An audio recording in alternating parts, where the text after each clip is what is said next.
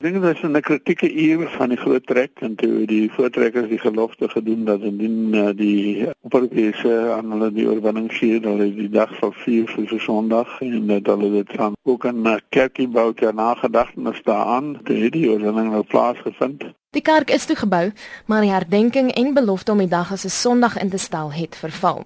Dis eers toe uit president Paul Creer aan bewind gekom het dat die viering van Geloftedag 'n jaarlikse instelling geword het.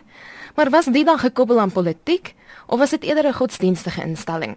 Moeilik vir die voortrekkers was natuurlik nou, jy weet baie die politiek en die godsdiens maar baie keer deur mekaar geloop, jy weet, maar dit was eintlik om 'n uh, idee dat die mens uh, in sit in Afrika is en dat daar 'n spesiale plek vir vir die Afrikaners is en dat dit so deur God beskik is. Dit is deel van daardie wêreldfilosofie van die voortrekkers in die 19de eeu is in die 20ste eeu waar die Afrikaners en ek baie meer sekulêr begin raak het, maar die voortrekke die geloftefeeste is natuurlik deur die 20ste eeu ook gevier en vandag ook op sommige plekke.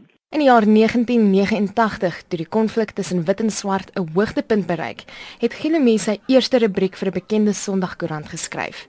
Hier het hy geskryf oor die noodsaaklikheid van inklusiwiteit vir die voortbestaan van die dag in 'n nuwe bedeling. Volgens hom is dit belangrik dat ons nie net ons eie geskiedenis se helde besing nie, maar dat ons ook die bravade van ander se helde erken. Ons moet nie net die helde moet van die voortrekkers eer in die slag van Bloedrivier, maar ook die feit dat die Zulu krygers baie moedig geveg het vir wat hulle gedink het 'n gevaar vir hulle Zulu koninkryk was. 'n Mens moet miskien dit ook gebruik om mekaar as mense wat dieselfde land deel te eer. Die voormalige president Nelson Mandela het die artikel raak gelees en 'n brief aan Gilumi geskryf uit die tronk uit wat afgelewer is deur die voormalige minister van Finansies, Trevor Manuel. Dan sê hy, hy sê ek was die laaste te beskou. Hy kan sien dat ek met die jongste artikel weer in die voorposte staan van mense wat versoening bepleit. Na Mandela se vrylating het Gilumi hom uitgevra oor die stigting van die ANC se militêre vleuel om Konto Wesizwe op dieselfde dag as die slag van Bloedrivier. Ek sê dit was vir hom heeltemal 'n simboliese dag 16 Desember waar die voortrekkers en die Amerikaanse baie die skaal baie swaar gelaai teen hulle geveg het en ook in die Anglo-Boereoorlog. Hier die boere met geweldige groot oormag teen hulle geveg, maar dit omdat hulle geglo het hulle saak is reg, het hulle voortgeveg. En terwyl in geval van die Anglo-Boereoorlog, uh Tweede Vryheidsoorlog verloor het, het hulle tog opgestaan en daai oorlog het baie gehelp om gevoel van volkwees te koester en te bewerkstellig.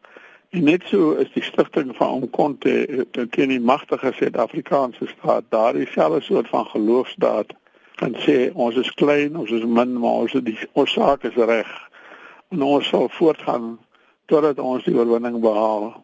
Volgens hom het Mandela gedurende sy gevangenis op Robben Island homself in die Afrikaanse geskiedenis verdiep. Hy het my vertel hy het baie oor die Anglo-Boereoorlog in die tronk gelees, so hy het oorval oor genade wet en die feit dat jy dan met 'n klein mag kan jy eintlik 'n baie groot staatsmag aandurf soos wat die soos wat die boere die Britse rykse mag uitgedaag het en die swart mense die Suid-Afrikaanse staat se mag ten einde ten volle ingesluit word as burgers van die land. Maar hoe goed ken ons mekaar se geskiedenis? Genomie sê Afrikaans en Engelse geskiedenis in die land is goed vasgelê terwyl daar nog nie so baie voetwerk gedoen is deur die res van die land se kultuurgroepe nie. Hy sê dis 'n langsame proses en boonop moet dit toeganklik gemaak word vir die land se mense. Mense hou daarvan om 'n storie te lees. Hulle wil nie 'n uh, hooggeleerde doktorale proefskrif lees nie. Hulle wil van ja, hulle eie geskiedenis lees of van ander geskiedenisse lees, maar dit moet so aantreklik aangebied word soos wat 'n roman vir lesers aangetref word. Daar moet 'n storie wees, daar moet 'n 'n komplot wees, daar moet 'n misterie wees, daar moet helde wees, daar moet skurke wees. En in sekere sin kan geskiedenis natuurlik nooit presies daai rol vervul nie, maar geskiedenis kan oop en toeganklik geskryf word sodat mense baie graag dit wil lees. Hy sê Suid-Afrika sal net 'n sterk land kan word wanneer daar 'n gemeenskaplike doel is. Ek dink baie keer Suid-Afrika is 'n land waar swart mense en wit mense, jy weet, nie sonder mekaar kan lewe nie en soms ook nie met mekaar kan lewe nie. Ons het mekaar en ons kan nie van mekaar ontslaa raak nie. En ons moet leer om met mekaar saam te leef. En ek dink die grondwet was 'n goeie voorbeeld van wat daar 'n kompromis bereik is want die mense kan nie absoluut net jou eie sin wil hê as ek hier. Jy moet maar toegewings maak en jy moet uh, mekaar tegemoet probeer kom. En uiteindelik sê wanneer dit kom by die land se geskiedenis, is versoening die grootste uitdaging.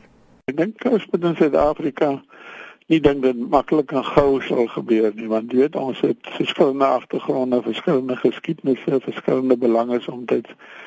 Maar daar moet altyd een oorkoepelende Suid-Afrikaanse nasionaliteit wees, 'n Suid-Afrikaanse samewerking wees tussen die verskillende groepe in die land en dit moet ons ook op hierdie dag gelofte dag erken. Dit was die historikus en skrywer Herman Gilumi. Ek's Marlene Forsie vir SAK nuus.